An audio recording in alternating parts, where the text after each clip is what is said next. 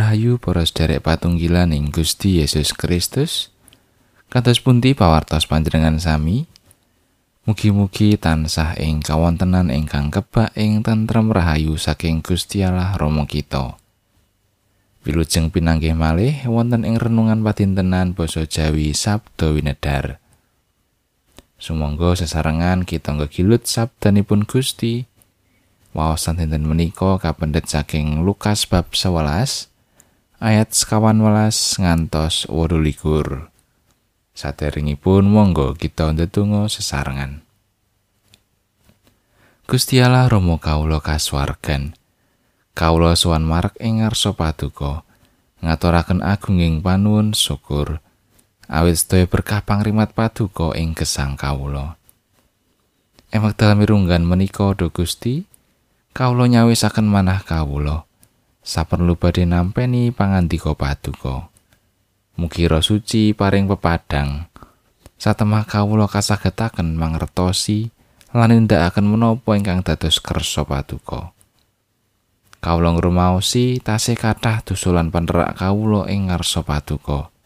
Mugi Gusti kersa paring pangaksami wonten ing asmanipun Gusti Yesus Kristus ingkang gesang kawula ndedonga. Amin Lukas bab 11 ayat sekawan welas ngantos wolu likur ing sawijining dina Gusti Yesus nundung demit kang marakake bisu marang wong bareng demite wis metu wonge bisa celatu wong akeh padha kaeraman nanging ana saweneh kang padha ngucap mangkene. Anggone nundung demit iku nganggo panguasane Beelzebul panggedhening para demit. Lan ana maneh kang padha nyoba marang Gusti Yesus nyuwun pratandha saka ing swarga. Nanging Gusti Yesus ora kekilapan marang pikirane wong-wong mau. Mulane banjur ngendika, Saben kerajaan kang pecah iku mesti rusak. lan saben brayat kang wargane padha dredah mesti rusak. Menawa iblis iku uga dredah karo awake dhewe, kepriye bisane tulus kerajane? Dadi yen aku nundung demit iku nganggo panguasane Beelzebul, para muridmu anggone nundung nganggo panguasane sapa? Mulane iya iku kang bakal padha njekseni kowe. Nanging menawa aku nundung demit nganggo panguasane Allah, dadine kratoning Allah wis nekani kowe.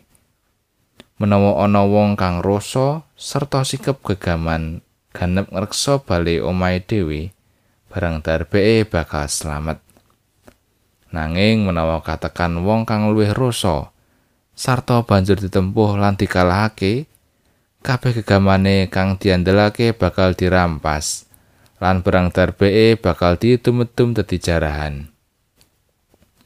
sing sapa ora nyarujuki aku iku nglawan marang aku sarta sing sapa ora melu anggonku nglumpukake iku dadi mbuyarake samangsa demit iku wis metu saka ing wong.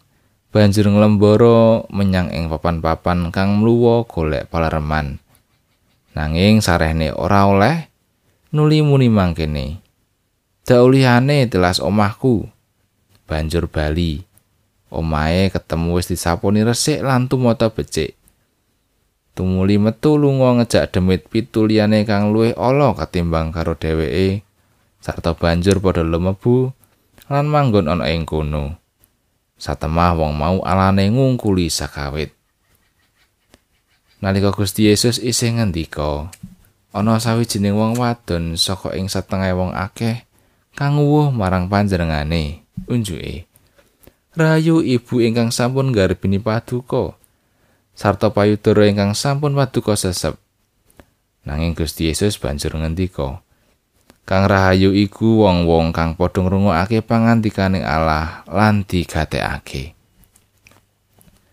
makatan pangandikanipun Gusti ayat saking ayat 6 likur tumuli metu lunga ngajak demit pitu liyane kang luwih Allah ketimbang karo dheweke sarta banjur mlebu lan manggon ana ing kono.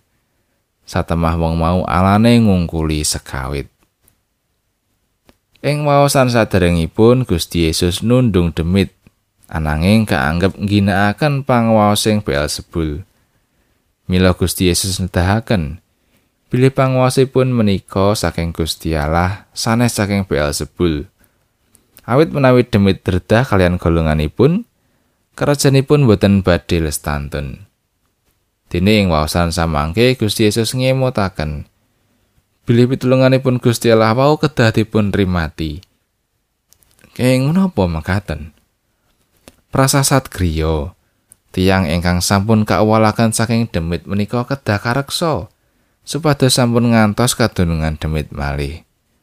Awit menawi demit ingkang wiwitan mau merangguli dirinipun suwung kados dene griya ingkang resik lan tumata sae, demit wau badhe ngajak kancanipun cacah pitu lumebet lan dumunung ing salah beting tiang wau malih.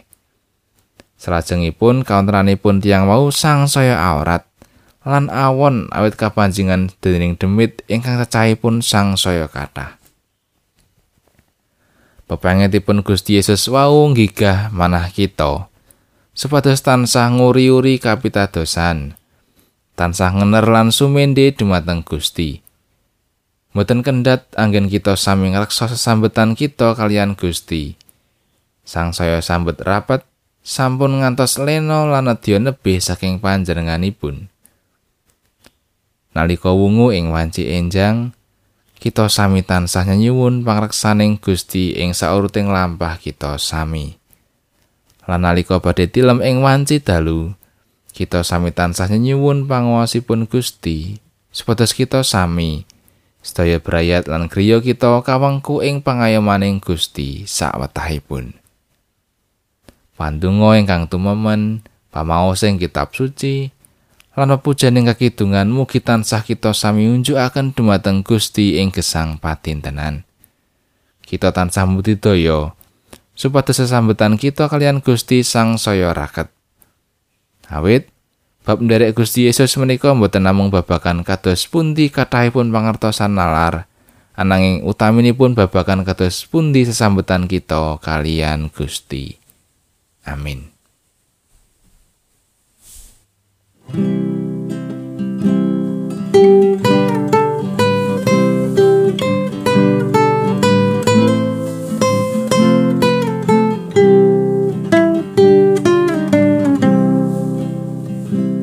Gusti Yesus pangen mami juru pangen kang utami.